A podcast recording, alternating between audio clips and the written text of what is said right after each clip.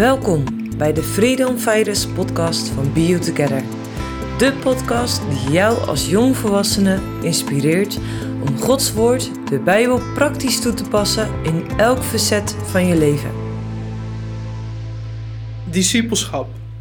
Ik vind het mooi dat ik iets met jullie mag delen over dit thema. Een thema waar mijn hart sneller van gaat kloppen, omdat ik in mijn eigen leven de kracht van discipelschap heb gemerkt. Zonder discipelschap was ik niet de persoon geweest die ik nu ben. Tegelijkertijd zie ik ook om me heen een hoop mensen hiermee worstelen en merk ik dat discipelschap eigenlijk te weinig gebeurt.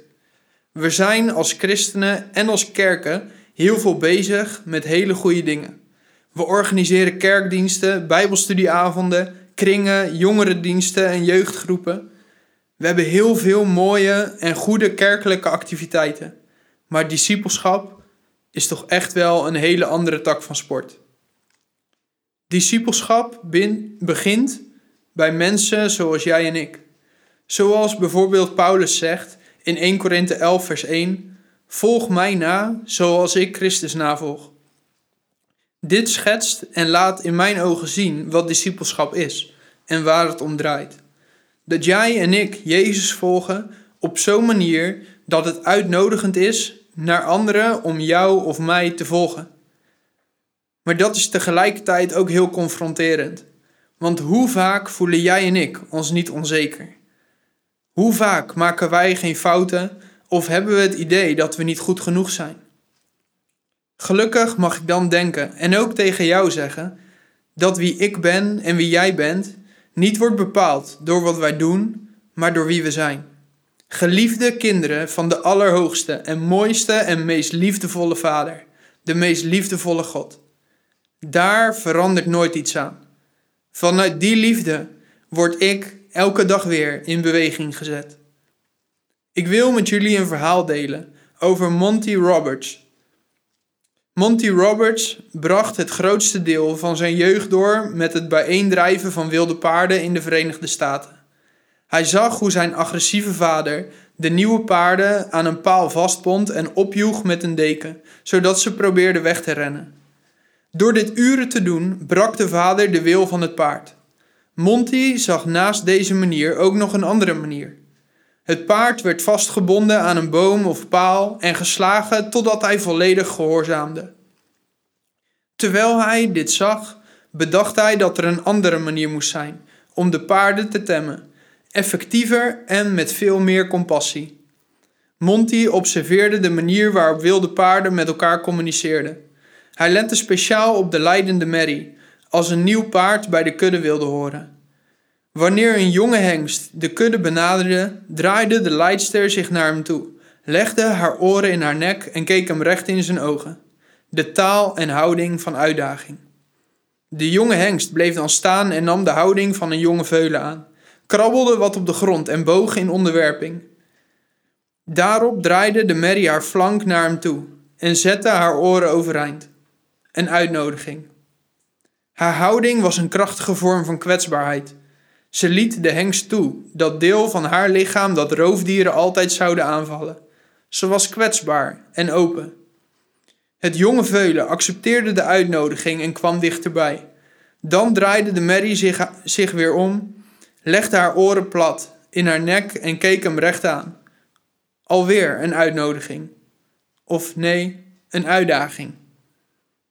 Dit spel van uitnodiging en uitdaging herhaalde zich totdat de twee elkaar aanraakten. In de climax van het proces, de join-up.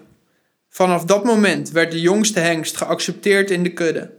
Monty begon te onderzoeken of hij dit proces ook kon gebruiken in het trainen van paarden. Hij ontdekte dat als hij de houding van een merrie aannam, de paarden zich zouden onderwerpen. Als hij zijn zij naar hen toe draaide, schoven ze wat dichterbij. Vandaag de dag kan Monty zelfs de meest mishandelde paarden in enkele minuten trainen. De agressieve methode van zijn vader staat in schril contrast met deze vriendelijke manier van paarden fluisteren. Ik wil weer even een stap terug doen en bedenken waartoe Jezus in staat was. Jezus was een rabbi. En als rabbi in de tijd van Jezus konden mensen bij jou solliciteren. Een rabbi in die tijd selecteerde dan de mensen die hadden gesolliciteerd op basis van dat die rabbi dacht dat hij op hem zou gaan lijken. Maar Jezus deed dit anders. Jezus ging zelf naar het meer van Galilea, waar hij zijn discipelen uit hun boot riep. Gewone mannen, zoals jij en ik, vissers. In minder dan drie jaar heeft Jezus een groep mannen gemaakt tot discipelen. Hij leerde ze om te doen en te zijn zoals hij. Op zo'n manier dat toen ze de wereld in werden gezonden, ze de geschiedenis van de mensheid voor altijd hebben veranderd. Hoe heeft Jezus dat gedaan? Zijn discipelen werden niet geslagen, tot ze zouden luisteren en ze gingen er ook niet vandoor. Hoe kwam het dat de uitdaging die Jezus hen gaf hen totaal niet overweldigde? Als het om discipelschap gaat, was Jezus de ultieme paardfluisteraar. De persoon die dit tot imperfectie goed deed. Jezus ging zo met zijn discipelen om dat er een cultuur ontstond met een juiste mix van uitnodiging en uitdaging. Dit wordt prachtig geïllustreerd in Matthäus 16, als aan Petrus wordt geopenbaard dat Jezus de Zoon van God is. Dit lees je in Matthäus 16, vers 16 tot en met 18, waar Petrus zegt: U bent de Messias, de Zoon van de levende God. En daarop zei Jezus tegen hem: Gelukkig ben je, Simon Barjona, want dit is je niet door mensen van vlees en bloed geopenbaard, maar door mijn Vader in de hemel. En ik zeg je, jij bent Petrus, de rots waarop ik mijn kerk zal bouwen. Door Petrus te bevestigen, nodigt Jezus hem uit om dichterbij te komen. Maar Jezus gaat verder dan dat. Jezus geeft hem de naam rotssteen. Petrus, in het Grieks ook Petra, de kleine rots. Aan het einde van de bergreden in de gelijkenis van de wijze en de dwaze bouwer verwijst Jezus naar zichzelf als de Petra, de grote rots. Jezus is de grote rots en Petrus is de kleine rotssteen. Jezus deelt zijn verbondsidentiteit als partner van God met Petrus. Petrus heeft nu dezelfde relatie met de Vader als Jezus met zijn Vader heeft. En Petrus wordt uitgenodigd in een diepere relatie met Jezus.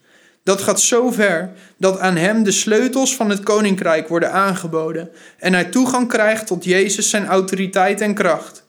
Het moet een fantastisch moment voor Petrus zijn geweest. En toch, een paar versen later, nadat Petrus Jezus apart heeft genomen om te zeggen dat Jezus niet meer moet praten over zijn sterven in Jeruzalem, wordt Petrus enorm uitgedaagd. Want Matthäus 16, vers 23 zegt: dat Jezus Petrus de rug toekeert met de woorden: Ga terug, achter mij, Satan. Je zou me nog van de goede weg afbrengen. Je denkt niet aan wat God wil, maar alleen aan wat de mensen willen. Keer op keer zien we Jezus in de evangelie optreden als een klassieke paardenfluisteraar. Hij nodigt zijn volgelingen uit tot een intiemere relatie met hem en daagt hen tegelijkertijd uit als het gaat om hun fouten en ongezonde gedrag. Hij brengt zijn discipelen dichter bij zichzelf. Hij hield van ze, maar gaf ze ook de kans om de verantwoordelijkheden op zich te nemen die bij discipelschap horen. Zoals bijvoorbeeld in Matthäus 16, vers 24 en 25. Toen zei Jezus tegen zijn leerlingen: Wie achter mij aan wil komen, moet zichzelf verloochenen, zijn kruis op zich nemen en mij volgen.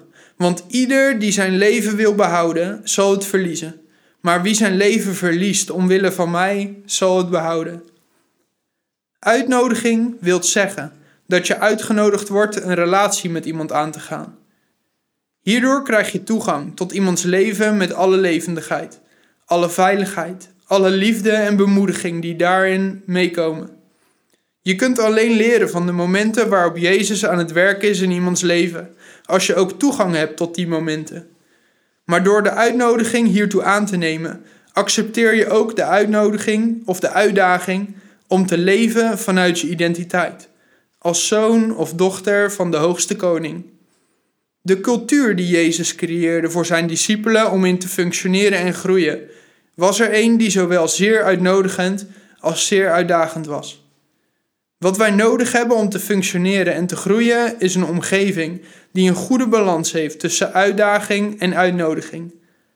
In de kern gaat goed discipelschap over een uitnodiging tot relatie en een uitnodiging of een uitdaging om te veranderen. Een goede discipel nodigt mensen uit in een verbondsrelatie met Hem en daagt hen op een zeer directe en genadige manier uit om vanuit hun ware identiteit te leven. Wanneer dit met elkaar in balans is, zal je mensen zien groeien of zelf ook gaan groeien naar de persoon zoals God die bedoeld heeft. Discipelschap is een bewuste investering. We hebben allemaal iemand nodig die in jou en mij investeert. Die tegen jou zeggen, net zoals dat Paulus deed: Volg mij na, zoals ik Christus navolg. Maar wil jij dit dan ook weer doorgeven aan een ander? Wil jij ook weer in anderen investeren? Mogen anderen en kunnen anderen ook jou volgen? Bedankt dat je hebt geluisterd naar deze overdenking. Verlang je naar meer van God in jouw leven? Meld je dan aan voor de Freedom Fighters training of het mentor van een van jouw jongeren. Check de website van Be Together of de socials voor meer informatie.